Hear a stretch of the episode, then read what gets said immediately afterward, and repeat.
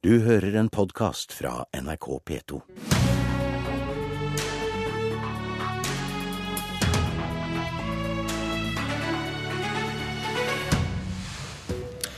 Syria-avtalen om 8000 flyktninger har fungert som ren norgesreklame.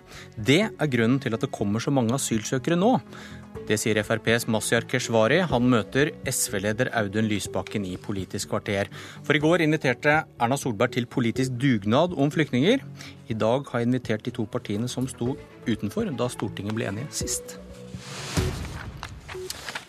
Mazyar Keshvari, stortingsrepresentant for Fremskrittspartiet. Hva mener du med at Syria-avtalen er årsaken til asylstrømmen vi ser nå? Altså, Først og fremst så er jo vårt utgangspunkt at når eh, kriser, katastrofer og kriger inntreffer, så må vi ha systemer og bruke våre tid og ressurser på å hjelpe flest mulig medmennesker som trenger vår hjelp. Eh, og I forbindelse med den avtalen så var jo vi klare på at vi ønsker å bruke ressursene der vi kan hjelpe flest mulig. Eh, situasjonen er at 60 millioner mennesker er på flukt i dagens verden. Og da må vi konsentrere oss om nærområdene. Det er der det er desidert eh, flest eh, flyktninger. Og asylsystemet i seg sjøl har aldri vært tiltenkt massemigrasjon og masseflukt. Asylsystemet var opprettet for at enkeltindivider skulle søke om beskyttelse mot forfølgelse. Eh, og Da egner det seg veldig dårlig til den situasjonen vi har i dagens verden. og Det er i den forbindelse vi sa at vi ønsker å konsentrere hjelpen i eh, nærområdene. Eh, og etter dette vedtaket så har jo da alt endret seg. For vi må huske på at i 2014 Men hva mener du med at denne Syria-avtalen er årsaken til den asylstrømmingen vi ser til Norge? Jo, det skal jeg forklare nå. Eh, dette feltet er veldig, veldig sensitivt for signaler man gir. I løpet av 2014 så hadde Europa en økning på 44 eh, med asylsøkere. Norge hadde i løpet av 2014 en nedgang på litt over 4% fordi vi hadde innført en rekke innstramninger, og signalet var at i Norge så var det eh, betydelig mer strengt og man utøvde alle regler og konvensjoner, også det som gikk på uttransporteringer osv. Etter at debatten, og spesielt Arbeiderpartiet sin landsmøte, og debatten dreide seg om hvor mange man bare skal ta imot, så ga det et inntrykk at Norge har nå eh, myknet opp. Og, og, og, da er det jo bare å komme. Det samme har vi sett eh, skjedd i Finland. Finland er et land som knapt nok har tatt imot asylsøkere og kvoteflyktninger i det hele tatt, etter at presidenten var ute og bl.a. sa at han ville åpne opp sitt hjem og, og, andre den type signaler, så har det kommet 11 000 mennesker til Finland, som historisk har hatt veldig lavt antall. SV-leder Audun Lysbakken, hva sier du til Keshvaris analyse?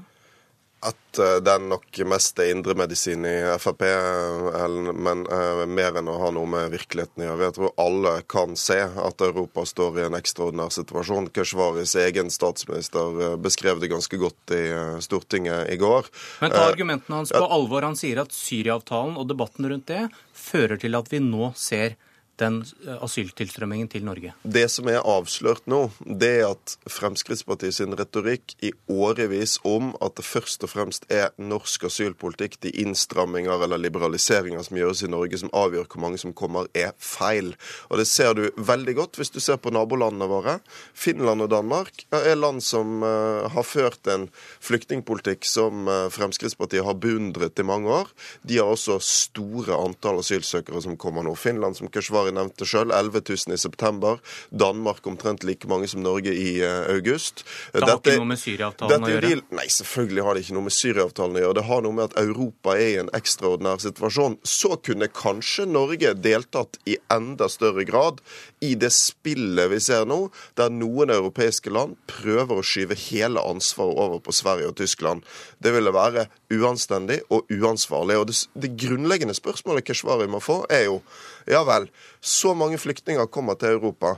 Hva mener du da, hvis du egentlig vil sette flyktningkonvensjonen ut av spill, at vi skal gjøre med dem? Skal de returneres tilbake til de overfylte nærområdene? Skal de returneres til land som Syria? Det er jo ikke mulig. Da må vi heller ha en realistisk debatt om hva vi gjør for å hjelpe de menneskene som kommer hit, istedenfor at du skal prøve å skape et bilde av at vi kunne unngått Nei, at de kom. Du, du, du, du følger ikke godt nok med Lysbakken. Jeg skal svare på det spørsmålet. Men det er ikke noe tvil om at det signaler og det Fremskrittspartiet har sagt i alle år, er helt rett. For hvordan ellers forklarer du en nedgang på over 4% i 2014? Det var jo 650 000 asylsøkere som kom til Europa. Og så er det riktig at det er ikke bare hva Norge alene gjør, men når Tyskland fører en helt hodeløs eh, politikk på dette området og tar imot halv million til 800 000 mennesker, så gjør det noe med det. Når Finland endrer retorikk, finsk, eh, finske presidenten endrer retorikken sin, så fører det til endringer. Men hva skal vi gjøre? Jo, vi skal hjelpe mennesker, men da må vi begynne å håndheve lover og regler. Vi må være mye klarere på Schengens yttergrense. Vi er nødt til å registrere mennesker som kommer slik Bulgaria har forsøkt i hele sommer, og være mer opptatt av Dublin-forordningen. For på den måten dette må være en europeisk eh, Altså, Europa må sammen finne en løsning her. Her kan man ikke overlate alt til landene som har den største belastningen. Men hvis vi da registrerer alle mennesker, og det ikke er sånn at folk bare eh, kommer inn i Europa og kan bevege seg fritt, da kan det også være lettere å fordele de som er reelle flyktninger, etter kapasiteten de ulike landene har. Slik at det ikke er bare Italia, Hellas eh, og andre landene som er yttergrensa av Schengen, skal ta hele belastningen. Men da må vi begynne å håndheve lover og regler fullt ut, og ikke være sånn at folk, eh, folk eh, setter liv og helse på spill for å komme seg fra Frankrike til Storbritannia, fra, fra Danmark til Sverige. Du skaper et inntrykk av at Norge nå tar imot en uforholdsmessig stor andel flyktninger som kommer til, det du kommer ser til Europa. Det kom, det kom, det kom, la meg snakke ferdig nå. Det kom 4900 asylsøkere til Norge i september. Sant? Vi tar imot en mikroskopisk del av den flyktningstrømmen som nå er i Midtøsten og i Europa. Det er hovedbildet. Og det er jo ikke sånn at denne flyktningstrømmen er utløst av at huset til statsministeren i Finland kanskje er ledig i januar. Det er utløst av at vi, at vi har en sjelden stor ansamling av humanitære kriser i verden. Vi har flere store kriser på en gang. Den aller verste av de er Syriakrigen. Og den viktige grunnen til at det kommer så mange syriske flyktninger inn i Europa nå, er jo nettopp at det ikke er utsikt til en løsning på krigen, og at kapasiteten i nærområdene, som du snakker så mye om, er sprengt. Det er jo det som er realiteten. Sant? og, og, eh, når, når, du, når du lager denne andre forklaringen, så antyder du egentlig at disse menneskene ikke har gode grunner til å flykte, og det er feil. Keshvari, hvis du da mener, som vi hører deg si nå, at denne Syria-avtalen om 8000 kvoteflyktninger, den var uheldig, den fører til, at, til norgesreklame som gjør at folk kommer hit. Hva syns du da om den dugnaden Erna Solberg inviterer til, der vi må ta imot titusenvis? Hva slags signal sender det? Eh, Erna Solberg sin redegjørelse var veldig god, og jeg er enig i alt hun sa. Jeg fikk ikke med meg bare den med dugnaden. Det er helt riktig. Henger er det sammen å- med det du sier Ja, om ja, det reklame? Hvis hun sier at vi skal ta imot ne... alle disse som jo, kommer hit? Jo, men da, da, jeg, var, jeg var i salen og hørte alt uh, hva statsministeren sa.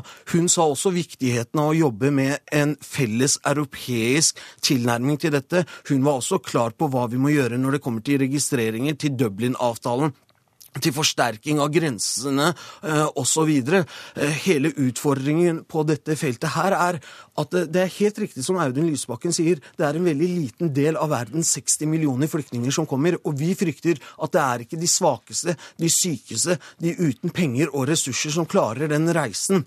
Og når det kommer til eh, Syria-flyktninger, så er det veldig liten andel av de som har vært av de registrerte asylsøkerne. I Norge så er det kun 30% men det er ikke riktig at det, Norge tar en liten andel. Hvis det kommer like mange Altså, Anslagene er jo endret hele tida. Man anslår at det skal komme rundt 30 000 asylsøkere i år og 30 000 neste år. Altså det er 60 000 på så kort tid. du hørte, du hørte også Erna Solberg i går. Du hører Keshvari i dag. Eh, sier de det samme?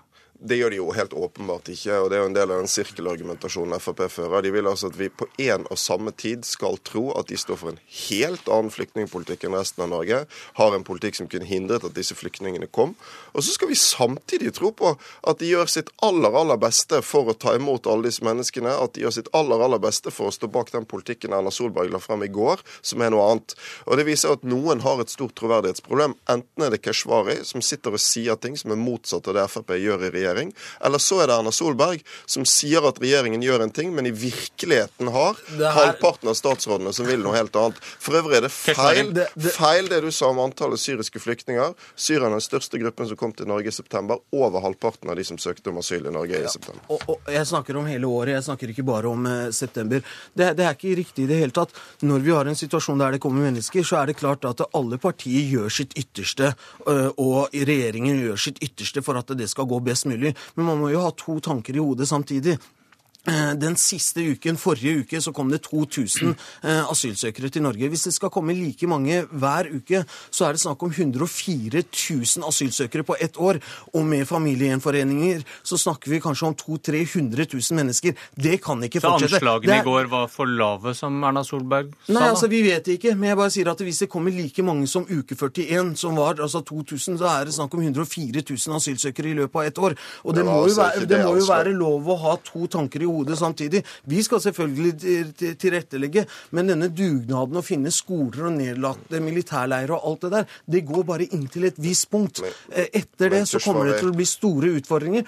Og det verste er at de ressursene Norge og andre europeiske land bruker på asylordninger. For det er mange som vil få avslag, mange som må returneres. Du, Alle de ressursene kunne vi brukt på mennesker som har reelt hjelp. Du driver et dobbeltspill, for realiteten er at det var først etter at debatten om å få flere flyktninger til Norge kom opp for fullt, at det ble et stort politisk trykk for å hjelpe mer i nærområdene. Hvis ikke det hadde vært fordi det kom mange flyktninger til Europa, så hadde Syriakrigen fortsatt ikke vært på Europas dagsorden. Og når du snakker om å hjelpe de svakeste Dere er jo imot å ta imot flere kvoteflyktninger. Det er jo de aller svakeste flyktningene. Så hvis du vil hjelpe de, så kan du ikke være mot å ta imot kvoteflyktninger. Du er både mot å ta imot de som skal søke om asyl, og å ta imot flere kvoteflyktninger. Sånn at, sånn at går jo ikke sånn Fremskrittspartiet var med på å ta imot 2120 kvoteflyktninger. Og det er det vi har kapasitet til. Fremskrittspartiet har aldri vært imot å ta imot kvoteflyktninger. Vi har sagt vi skal ta imot Vi er imot å ta imot 10 000. Gå og sett dere i sofaen og fortsett debatten. Og så skal jeg snakke med politisk kommentator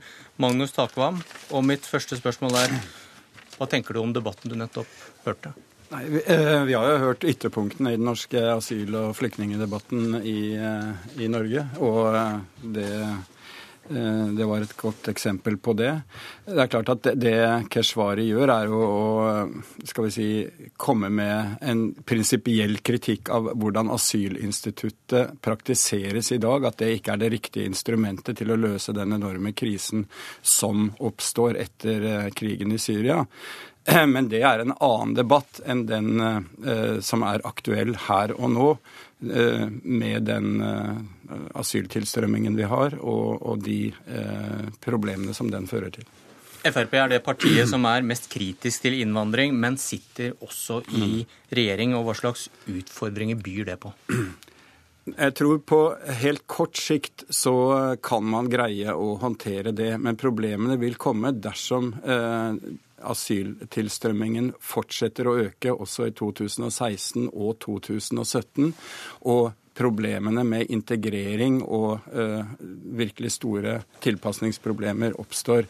Uh, men på helt kort sikt så tror jeg også Frp vil kunne på en måte uh, gå inn i, i, i temaet uten å få de skal vi si, mest akutte problemene. Men på lang sikt kan, kan dette by på åpenbare konflikter. Ja, for de sto, de sto utenfor dette Syria-vedtaket vi snakket om. Kan de stille seg på utsiden av denne dugnaden Solberg snakker om, og fortsette i regjering?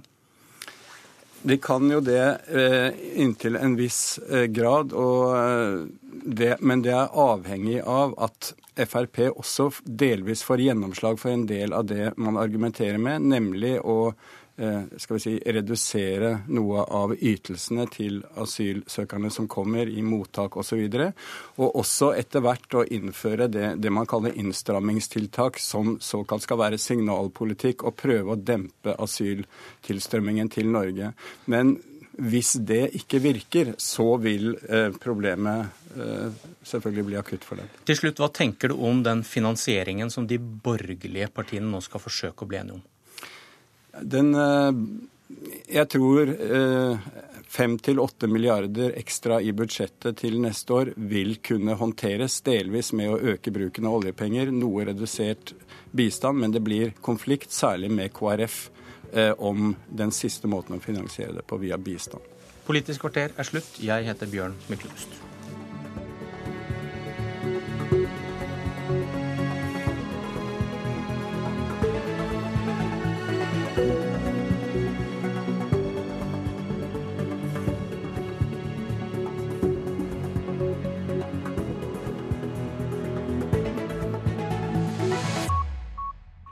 Har hørt en podkast fra NRK P2.